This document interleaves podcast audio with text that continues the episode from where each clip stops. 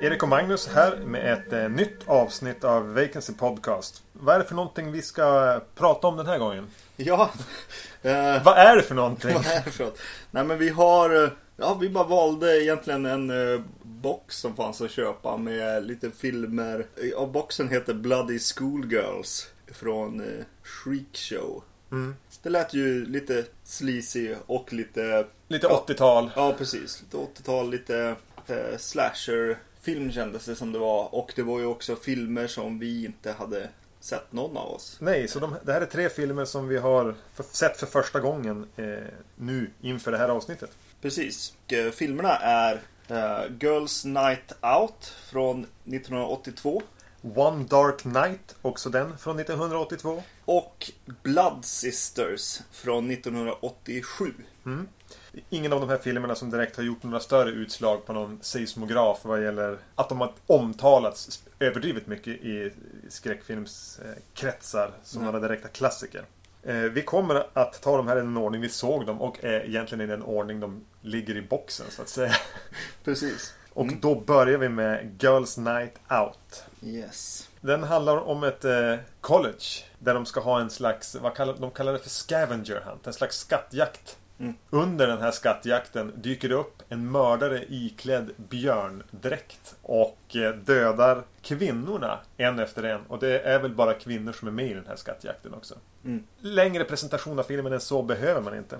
Nej. Jag kan även nämna att den är regisserad av någon som heter Robert Dubel. Eh, som verkar vara en fullkomlig nolla. Mm. Eh, han har, hade fem saker till på sin resumé och jag känner inte igen någonting. Det var någon dokumentär från 70-talet, någon avsnitt av någon tv-serie man inte hört talas om. Ja, nej, jag kände inte igen, igen här namnet heller. Den här filmen börjar väl på, om jag minns rätt, det här var ju ändå liksom två eller tre dagar sedan.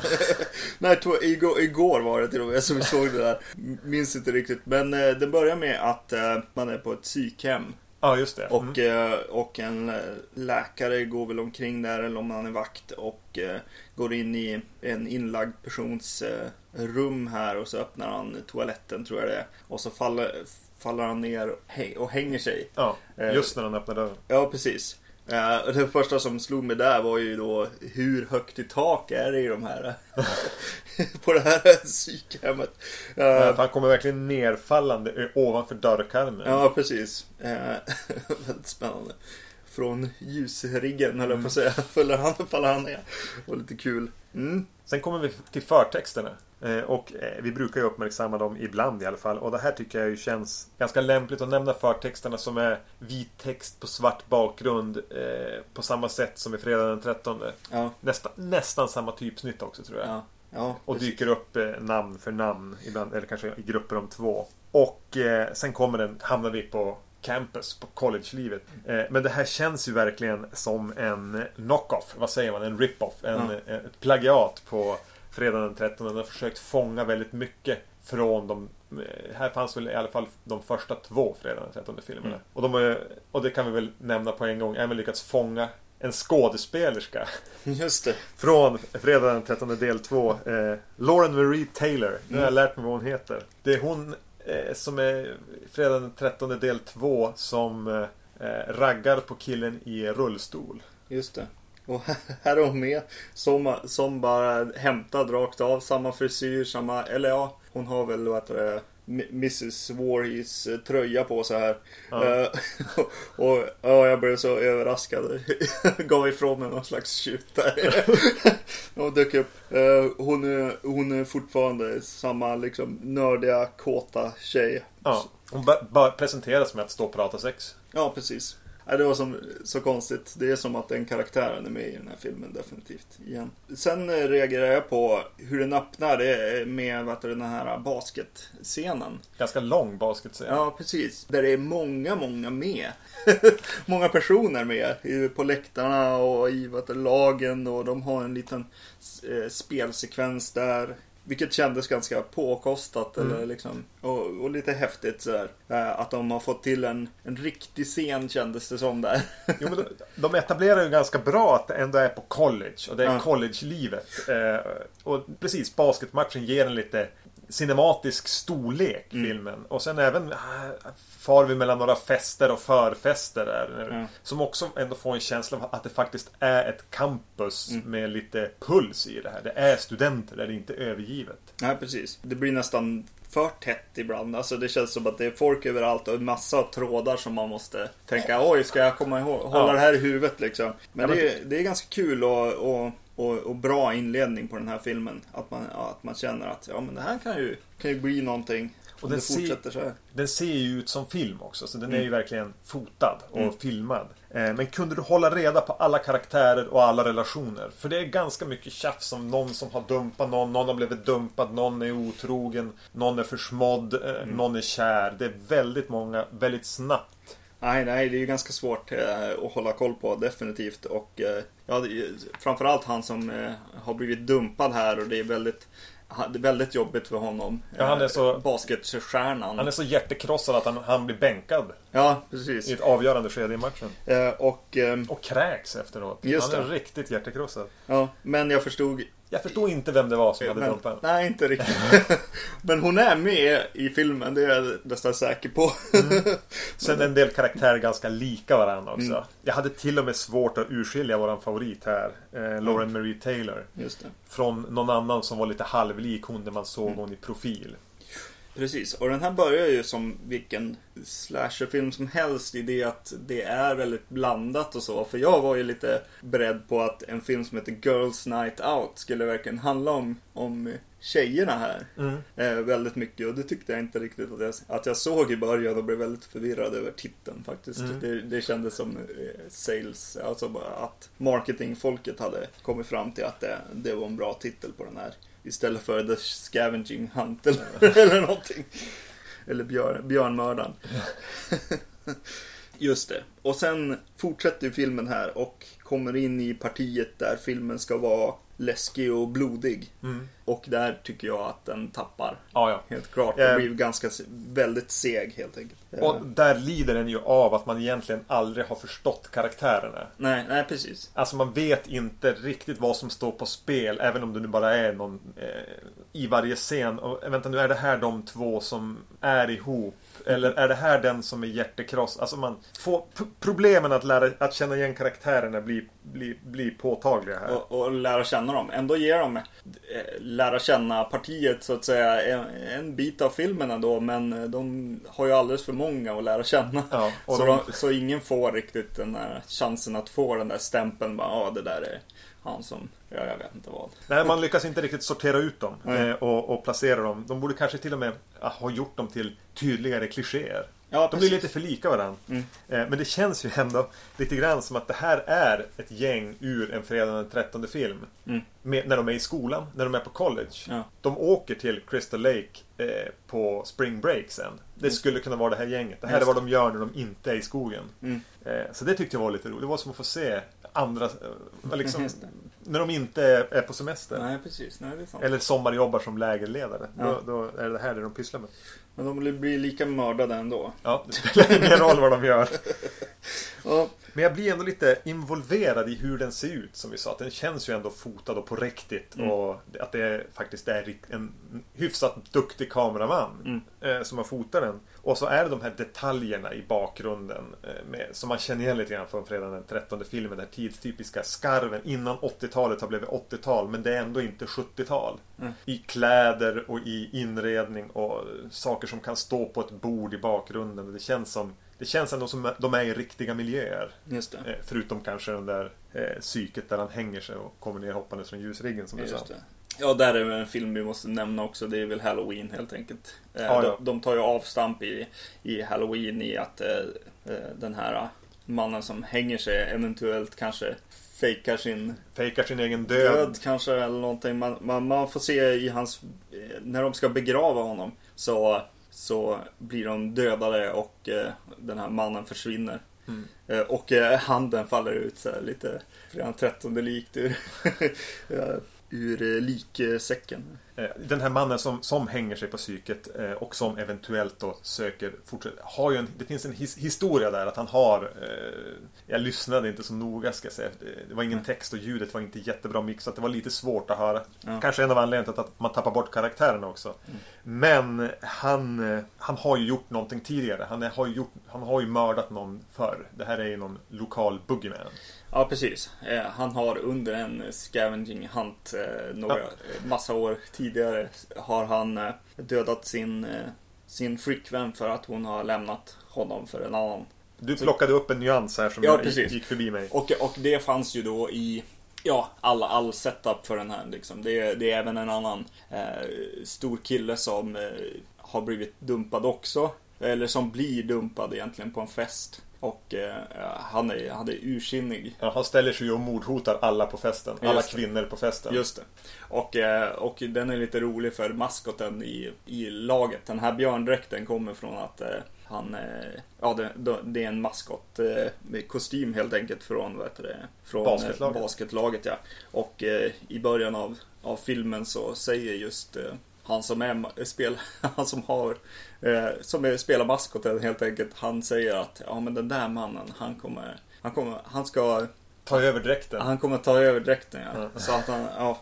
Eh, så precis, så han är ju definitivt ett hot eh, också från filmen här. Så de presenterar ju flera, flera eh, möjliga mördare här. Så, att, så, så, så man får ju, om man ser den här filmen kan man ju fundera över vem som är mördaren helt enkelt. Who done it? Ja, precis. Eh, nu när vi ändå nämner björndräkten. Mm. är det en bra idé att ha en mördare i en björndräkt? Ja, jag vet inte. Jag tyckte att det var lite kul med hur, han hade skapat den här.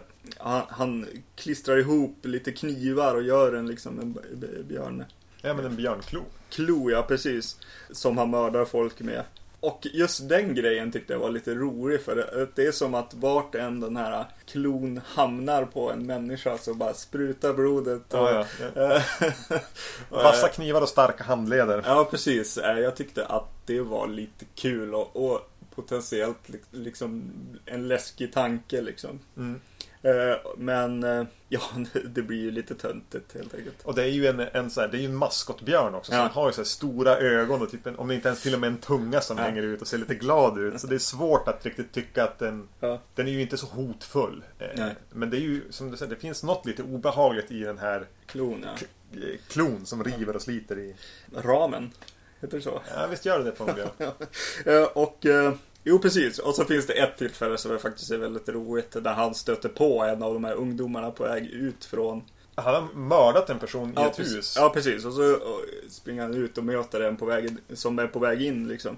Så, så stannar han till så här, han börjar bli helt eh, rak så här i ryggen. Och då har, har han de här kons- eh, stora, ögonen och bara ser så, ser så på, påkommen ut på något sätt.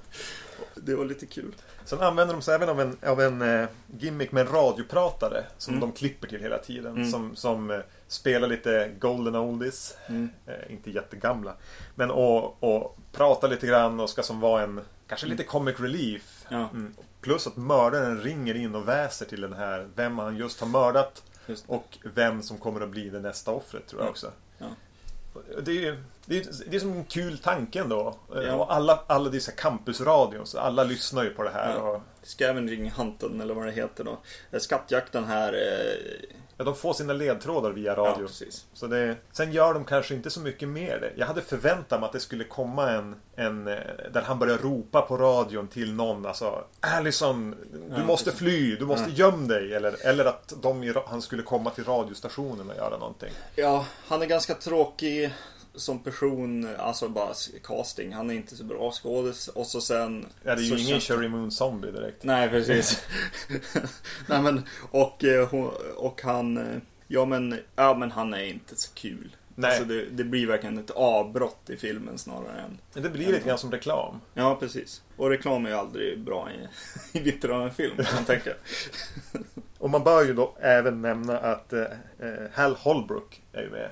Mm. Det är ganska kul i förtexterna dyker det upp någon som heter, och det är hans son. Ja, David Holbrook eh, är med i filmen. Det namnet kommer före, så man hinner liksom så här räta på sig och tänka Åh, Holbrook! Och så kommer nästa namn med And Hal Holbrook. Som.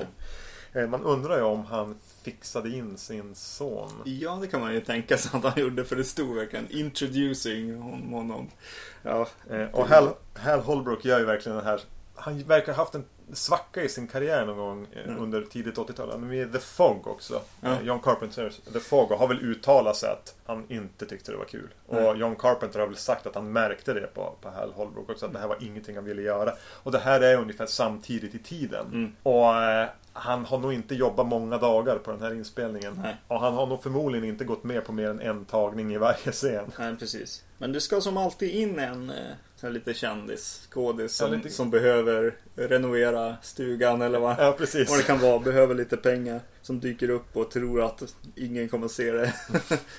I, I det här fallet kanske han hade rätt. Ja, tillföra lite pondus. Mm. Eh, han har ju tillräcklig pondus för att fungera. Det har han ju. Ja, Och sen mot slut, sista tredjedelen av filmen så upptäcker de ju. Mm. eh, Han spelar någon så här campuspolisen. Mm. Då upptäcker de ju att har blivit, folk har blivit mördade. ja, Så då blir det lite, hinner det bli en polisutredning med förhör. Ja. De kallar in några andra poliser som börjar förhöra några där medan mördaren fortfarande är på fri fot och egentligen fortfarande letar offer. ja. Vilket jag tyckte fick filmen att somna rejält. Den var redan lite tråkig och rörig och styltig. Mm. Eller stolpig kanske ett bättre ord i och med att den bara går mellan sekvenserna. Mm. Men där, då blev det eh, sömnigt. Nästan så att poliserna i förhören ser sömniga ut också. ja, precis.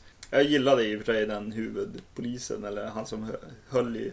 Han ser lite italiensk ut. Ja, precis. Alltså, Ja, jag gillar det. Det kändes som att, ja men vem är det där? Och vart kan man se mer av honom? Lite grann. Han var som häftig. Ja, han har ett Eh. häftigt utseende. Mm. Men, eh, ja precis. Jag vet inte. Sammanfattningsvis eh, om Girls Night Out som en slasher från tidigt 80-tal. Ja. Eh, den, den går inte in på den övre skalan. Nej. Men den är inte värdelös vill jag säga. Den har, jag hade i alla fall kunde hitta tillräckligt mycket små grejer för att ändå ta mig igenom den. Ja. ja, jag tyckte nog att den blev väldigt seg där. Ja, ja, det säger jag inte Men, men, men ja. Den öppnade starkt men, men tappade mig. Det måste jag säga. Men jag kan ändå ge den den har, för en slashernörd, för den som vill Mm. se alla slasherfilmer Jo. ska man ju definitivt se den här. Eh, och den är ju, jag har sett mycket sämre. Ja, jo det är sant. Men det, det är samtidigt inte så konstigt att den har blivit bortglömd. För den har inte någonting som får den att sticka ut. Nej, precis. Eh, Björndräkten var en idé, men den kanske inte var så bra. Mm. Nej, precis. Ja, ska vi gå vidare till eh, One Dark Night. Precis, och eh, det är en film från 1982. Jag kan berätta vad den handlar om. Eh, och det, den börjar egentligen som en uppföljare nästan. Det känns som det har hänt en massa saker innan. Det är en massa kvinnor som har blivit mördade av en, eh, en mördare och de hittas i en eh, lägenhet. Mördaren dör på plats. Och eh, i sitt sista ande, andetag så skjuter han upp en blixt i taket. Och en massa saker eh, sitter fast eh, i väggarna hos honom. Tallrikar och grejer. Och eh, den här mannen begravs och vi får följa ett...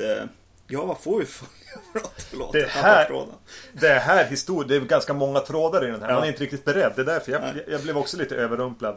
Vi får dels följa den här mannens dotter. Mm. Som får, får reda på att mannen som har dött har, har kända psykiska här, telekinetiska krafter. Vi får även följa en ung kvinna som ska genomgå en initiationsrit för att komma med i en här, sorority. Ja, eller till och med ett gäng. Ett gäng. Ett tjejgäng. Ett tjejgäng Som med, heter Sisters. med matchande jackor. Just det.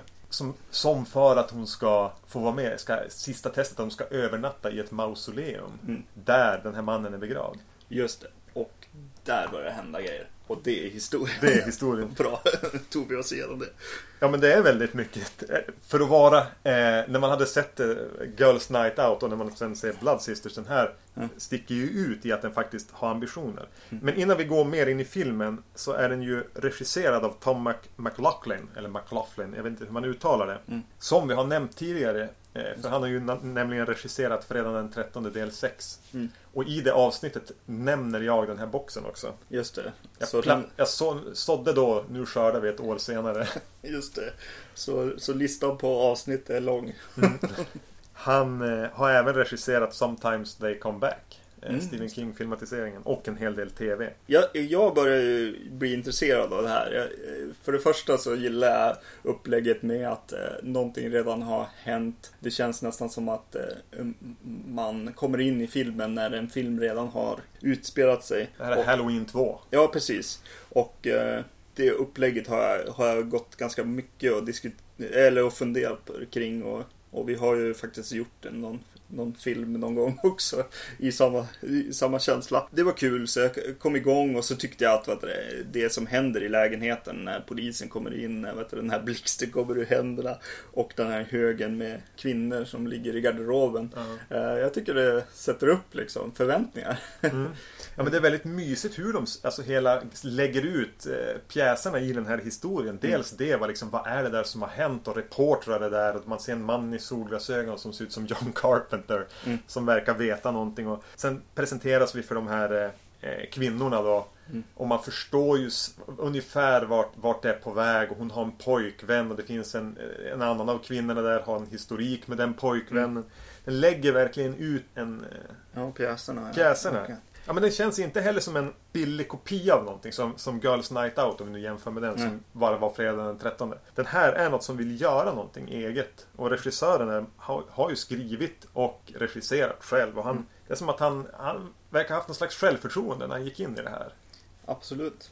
Och jag gillar, ja precis, hur den är filmad i vissa sekvenser och ja, jag, jag tänker på, alltså det är ju som billigt men det funkar väldigt bra för mig. Det är, vad det, det, det är en begravning av den här äh, mördaren då och hans dotter kommer dit med sin kar tror jag det är som för övrigt spelas av Batman själv, äh, Adam West.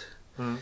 Det är väl, det är väl den här filmens sån här äh, skådis som... Hal Holbrook. Ja, precis. Eller Donald Pleasence. Ja, precis. Och eh, jo, men jag gillar hur hon blir påverkad på begravningen. Eh, de klipper mellan hon, hon börjar bli svettig och på, eh, tydligt eh, påverkad eh, psykiskt av kistan. För de zoomar in på där huvudet liksom ligger i kistan. Och jag gillar den, eh, den, den, den sekvensen. Den, den gav mig också hopp inför resten av filmen. Att så här, ja men den är ganska kul filmad också. Eller, Mm. eh, ja. Bara Som du säger, han har själv, självförtroende. Självförtroende. Han låter den vara ganska långsam också. Mm. Eh, bara en liten parentes där om stackars Adam West som är med här. Mm.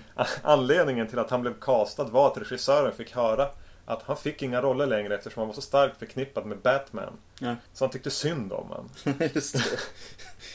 Och, och, och även det, han är ju horribelt dålig Ja, skådis. ja. Han är verkligen den som sticker ut som klart sämst av Ja. alla som är med i den här. Eh, och precis. Och där, där kommer vi kanske till eh, Meg Tilly som är med i den här filmen. Jag nämnde tycker, ju hennes syster i avsnittet om They Live och eh, Remote Control. Det var Jennifer till med. Hon är ju inte så bra. nej, nej, precis. Men Meg Tilly är både bra och eh, väldigt söt i den här filmen. Likaså tycker jag killen som hon är ihop med. Men de är ju fina ihop. Ja, De är precis. ju jättesöta tillsammans. Jag skrev samma sak. Ja, Det är ett jättebra matchat. Hon är, och hon är jättebra. ja, Hon kan bära en film. Ja, verkligen. Nu får hon inte, hon är väl egentligen huvudperson men hon tonas ner ganska mycket. Det blir ganska många kockar i soppan. Men man märker det i de scener när hon sen, hon är ju då eh, kvinnan som ska övernatta i mausoleet och går runt där och är lite rädd. Mm. För de här kompisarna då eh, ska ju naturligtvis åka dit och utsätta henne, försöka skrämma henne lite grann. Ja. Men hon är jättebra när hon går runt där inne. Mm. Värt att nämna är väl just att de är ju inte så mycket kompisar då heller. För att eh, den här ledaren av det här tjejgänget Mm. är ju eh, den här killens eh, ex. Ja. Hon, hon, hon vill ju egentligen bara eh, Meg Tilly illa. Ja. Eh, egentligen. Så hon har fått vara med i rit efter rit. Eh, men kommer aldrig riktigt med i, i gänget. Så det här är väl det, det sista provet då säger de. För, för killen har till och med varit och hotat den där exet att nu får ni fan sluta med det här. Det är inte kul längre. Och Meg Tilly vill verkligen vara kompis med er. Och, Men det är verkligen så här jättemånga trådar och det är en ganska långsam tempo. Men klipps mellan Meg Tilly som går runt i mausoleet. Mm. Det klipps mellan det här gänget som ska dit och börjar ta sig in och ska, ska skrämma henne. Det klipps mellan pojkvännen som undrar vart hon är. Mm. Försöker leta reda på henne. Och eh, dottern till den här mördaren med psykiska krafter som lyssnar på ett band och börjar förstå sanningen om sin, om sin pappa. Mm. Eh, och där blir det kanske att de får lite problem att hålla intresset upp. Framförallt när vi ska tillbaks till dottern som sitter och lyssnar på ett band som en man, läs, en författare som kände pappan, har spelat in som liksom för att tala om för hon vem han är igen. Ja, precis. Och det blir det, det fungerar inte att hon sitter i 35, 40, 45 minuter av filmen och lyssnar på det där bandet. Klipps Nej. tillbaka till.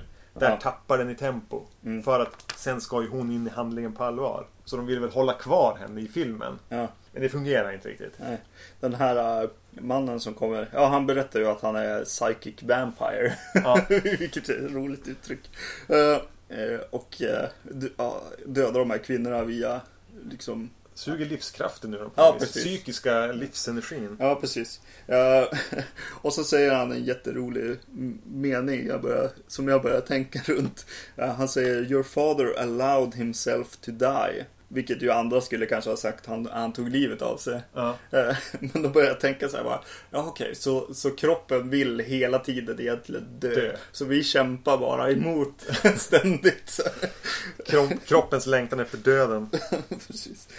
Eh, ja, det var en side-note.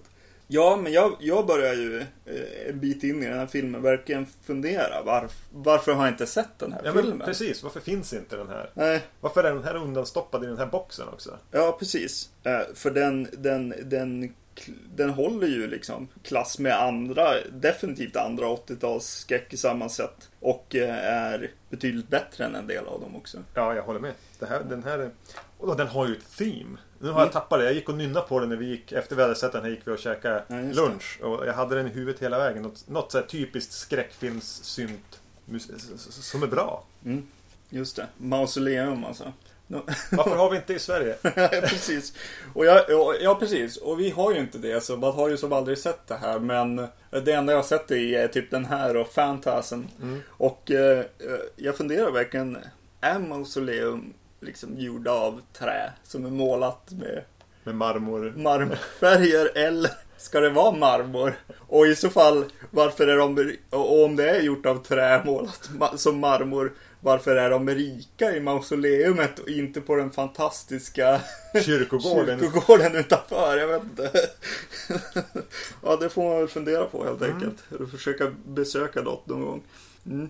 Nej, och sen, den har ju den här långsamma uppbyggnaden. Men om man tänker liksom... Så att jag då tänkte bara, låt mig i alla fall få en payoff på det här. Mm. För det, det, det är ganska långa partier då det inte händer... Jo, det händer ju saker. Nu låter jag väl action-törstande. Men den bygger ju upp mot någonting. Och vi får ju en, en bra final. Mm. Den hade kunnat vara ännu mer. Ja, Men den är ju häftig. Och den är ganska egen. Ja, I, precis. I, jag menar, de är i ett mausoleum. Gissa vad, vad som börjar dyka upp. Ja, liksom. eh, men de använder det på ett väldigt, ganska nytt sätt ändå. Mm. Eh, och, och obehagligt i vissa fall. Vissa riktigt otäcka ja. idéer. Ja, definitivt. Eftersom att vi kommer att rekommendera den här filmen gissar jag, eller jag kommer att göra det, så kanske man inte ska hoppa in alldeles för mycket i det. Tyvärr. Men det finns riktigt cool, coola grejer och, och, och saker som gjorde mig riktigt så här äcklad. Ja. Det är inte så vanligt. Det var riktigt vidro. Vad tycker du om hela grejen med blixtrarna då? Ja, ja jag vet inte. Det är inte hundra. Nej, Eh, samtidigt hade jag kunnat tänka, med tanke på när den kom, så hade den typen av effekter kunnat se mycket löjligare ut Ja. de gör. De är inte helt eh, dåligt genomförda. nej, nej precis. Jag gillar en del av dem. En del känns som att de går rakt in i kameran också, vilket jag, jag gillade. Mm. Eh, hur det såg ut. Jo, vad skulle jag säga? Jo, just det.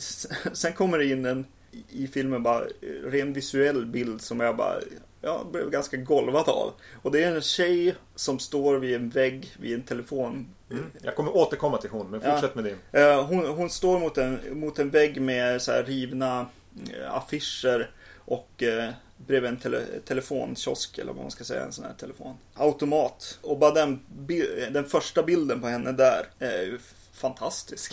det var verkligen så här, ja det här skulle man kunna hänga på väggen i princip. Den, den, jag tycker filmen slår till med några ibland. Ja. Jag skrev ner en annan eh, bild när de sitter en kista, kister som sakta skjuts ut ur mausoleet och Mm. vickas ner och sakta öppnas. Den hade några sådana som jag också verkligen gillade. Mm. Men den här kvinnan som står en väldigt, väldigt liten roll. Mm. Eh, skådespelerskan heter, eh, hon pratar lite grann med pojkvännen Ja. eh, som, som letar efter Meg Tilly.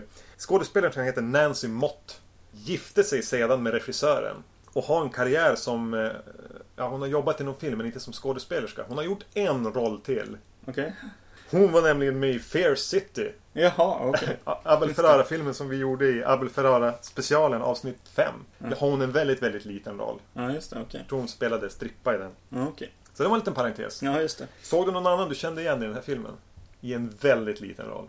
No, jag minns inte. Du minns inte. Eh, Kevin Peter Hall. Jaha, nej. nej, det såg jag inte. Eh, det vill säga han som spelar rovdjur, eller spelade rovdjuret och eh, Mm. rad, alltså spelade en rad Bigfoot. Han eh, får, får kläcka filmens bögskämt också. Ja, Med i omklädningsrummet efter de... Eh, Aha, just det. vad är det de spelar för någonting? Är det basket här också? Ja, du. Jag kommer inte ihåg. Mm. De är i alla fall i ett omklädningsrum och han, pojkvännen kommer förbi. Sitt, då sitter en, en väldigt, väldigt lång Just. mörkhyad man på en bänk och säger någonting och bara Ja men du, jag, vi, prat, vi tar det i duschen. Ja, vi ses i Och ta duschen. inte, vi ses i duschen. Och Säg inte det där som en invit. Mm. Ja, Okej, nej Mm. det, det la jag inte märke till. och du la inte mä- märke till Nancy Mott heller. Nej.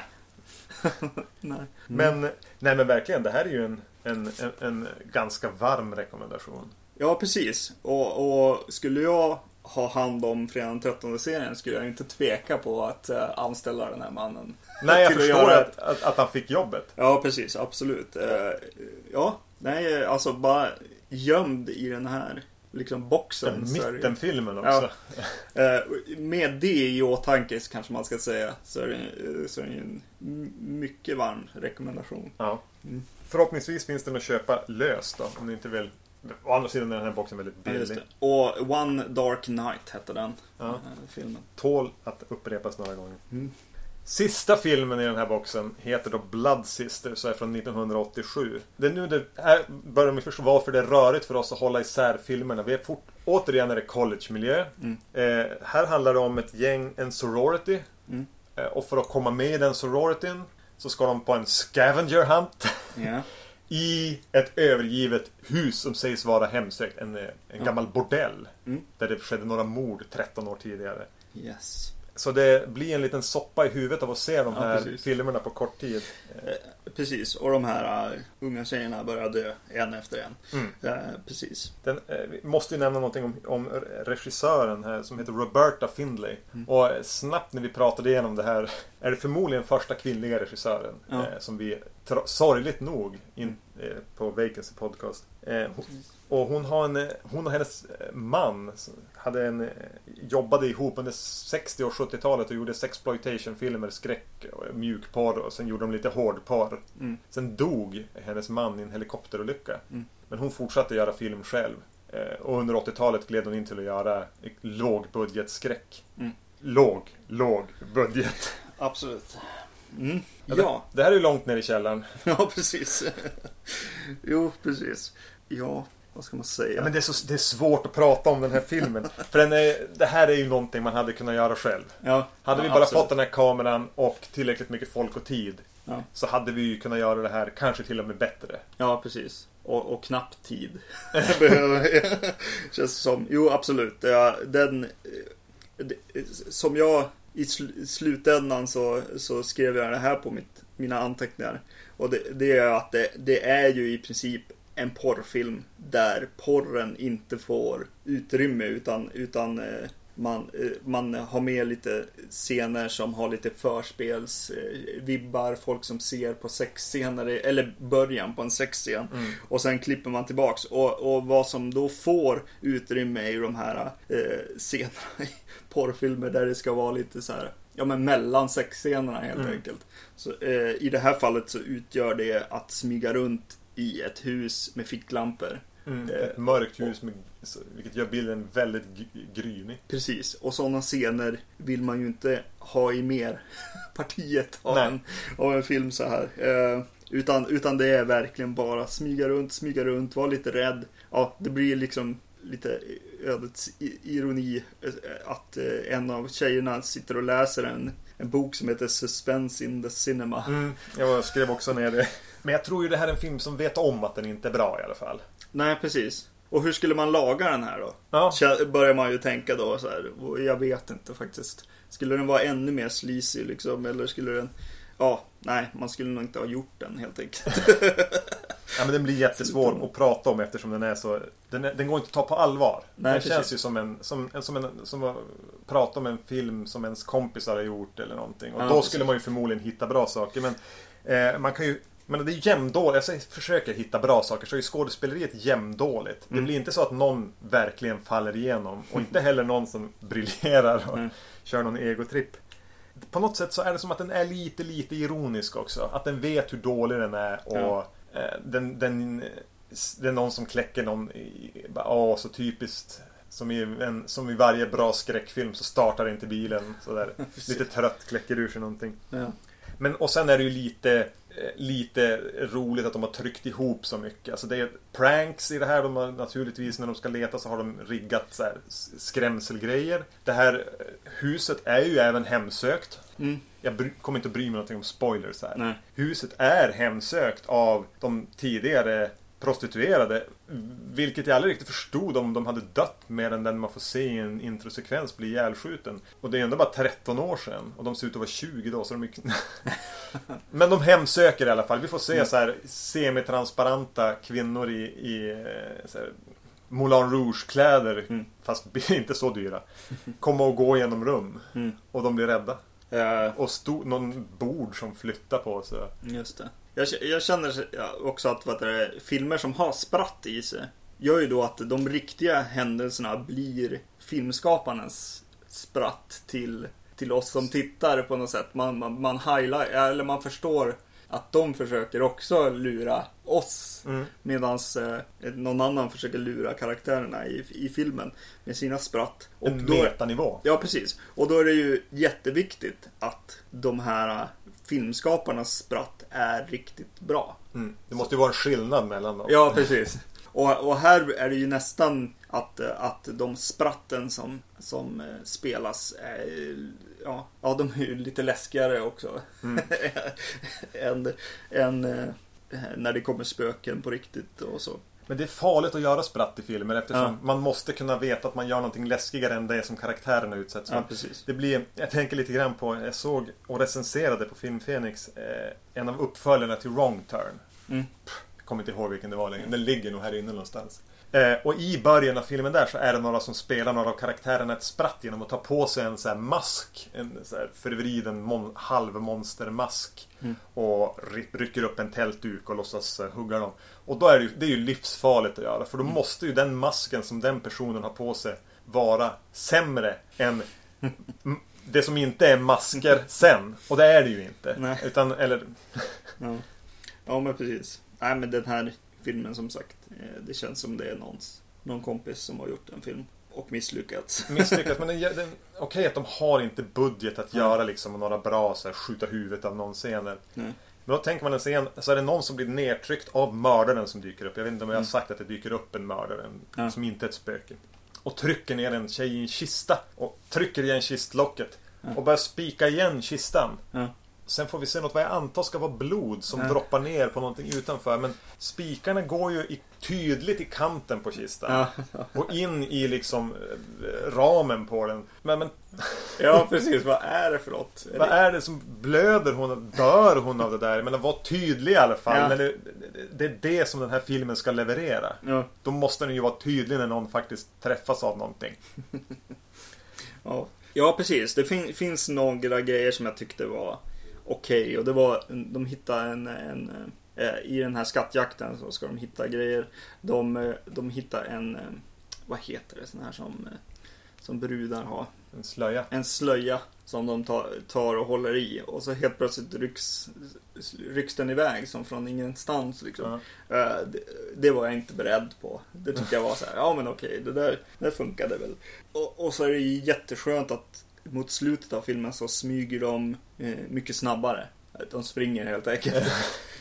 och det kändes som uppfriskande och jag tyckte att det var lite kul med hon som eh, tappar sina glasögon. Så att de kunde klippa mellan bilder i fokus och bilder ur fokus och ja, där, där fick hon till li- lite grann i klippningen liksom. Mm. Och uppgörelsen, det var väl okej liksom. Hur, på något sätt. Så här, vem är mördaren? Vem är mördaren? Hela den biten, det var som bara, ja visst. Så här.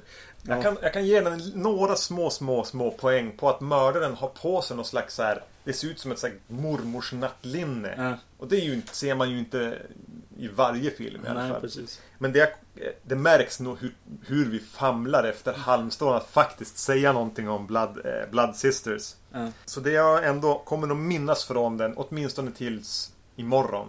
Det är ändå de här halvslis-grejerna. Mm. Hur karaktärer liksom kan stanna upp och då se någonting som är spök eller bilder från det förflutna som är av en slis-karaktär. Ja. Men som verkligen bara är början till ett förspel. Ja, precis. Det är så, det är så, det är så mjuk porr. Ja, precis. Det är nästan bara kramas. Ja, Om man tänker då att en regissör som hon då, Roberta Findlay, som har en historik inom, inom eh, både mjuk och hård porr Ja. och skräck. Att hon inte fick, fick hon inte gå all in liksom. ja precis. Jag säger inte att jag hade velat sitta och titta, att den här filmen skulle vara 20 minuter längre eh, med hård porr. Nej. Men på något sätt hade den i alla fall Känns som att den hade gjort den mer motiverad. Ja, precis. Jo, absolut. Eh, Det är någon kärleksscen i början av filmen med någon riktig sån här musik. Det är väldigt så här, porrfilmig och eh, där de just börjar så här en kille som håller på att ta av trosorna på en tjej och det känns verkligen som att jo, men nu, nu vill hon flytta kameran bara ner och bara visa allt Ja. så att säga. Men det bara, Det ja, står nej, någon, står någon, någon, Ja, bara någon med pengarna och håller upp. Håller upp. Nej, nej, nej, nej, det här ska Nej, vi kunna nej, nej. sälja till de här biograferna, inte porrbiograferna. Precis. Det blir nästan tamare än, än så i, i de andra egentligen scenerna. Eh, jag skrev även ner en replik. Vi skrattade högt åt den båda två i alla fall. När de, när de har börjat märka att deras kompisar är borta. Mm. Alltså fatt, nu är vi helt plötsligt bara fyra som smyger runt här. Och så är det någon som säger någonting As if they were dead eller något. Mm. Och då säger de Speaking of dead, where's Diana? Och den är också menad så här, den, det är inte på allvar. Där. Slänger jag också så här demonstrativt iväg mitt block med anteckningar. Ja men precis. Så för, för riktigt inbitna slasher-fans så kan man ju se Girls Night Out. Och jag tycker man ska se One Dark Night också. Om man är intresserad av skräckfilm. Ja. ja. Eh, och eh, Blood Sisters ska ni inte se än som ni är intresserade av, av slasherfilmer. Alltså det fin- och jag antar att det finns en uppsjö av samma som kommer bara under året 87. ja.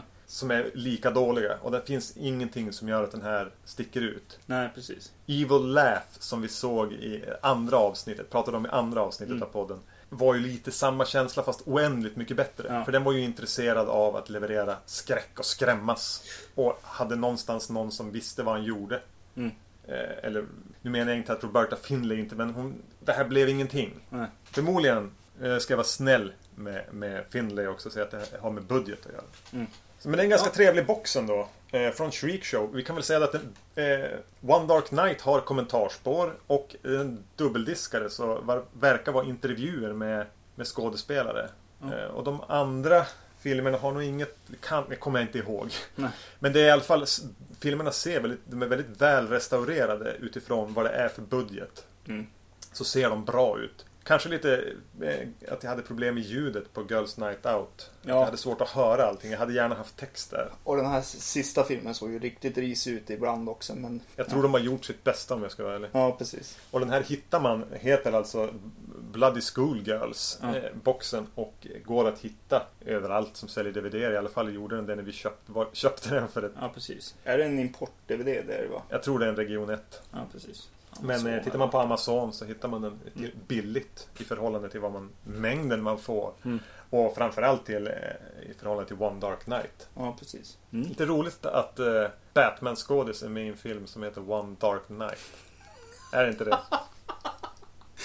Det är ju briljant. Ja. Och den, den enda sanna Batman också. Just det.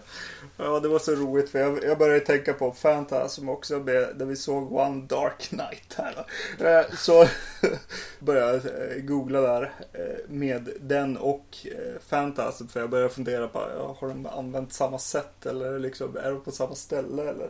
Och ja, då fanns det någon, någon serietidning med Batman som, som hette Phantasm eller The Phantasm. så så det, allt var Allt hänger ihop. hänger ihop ja.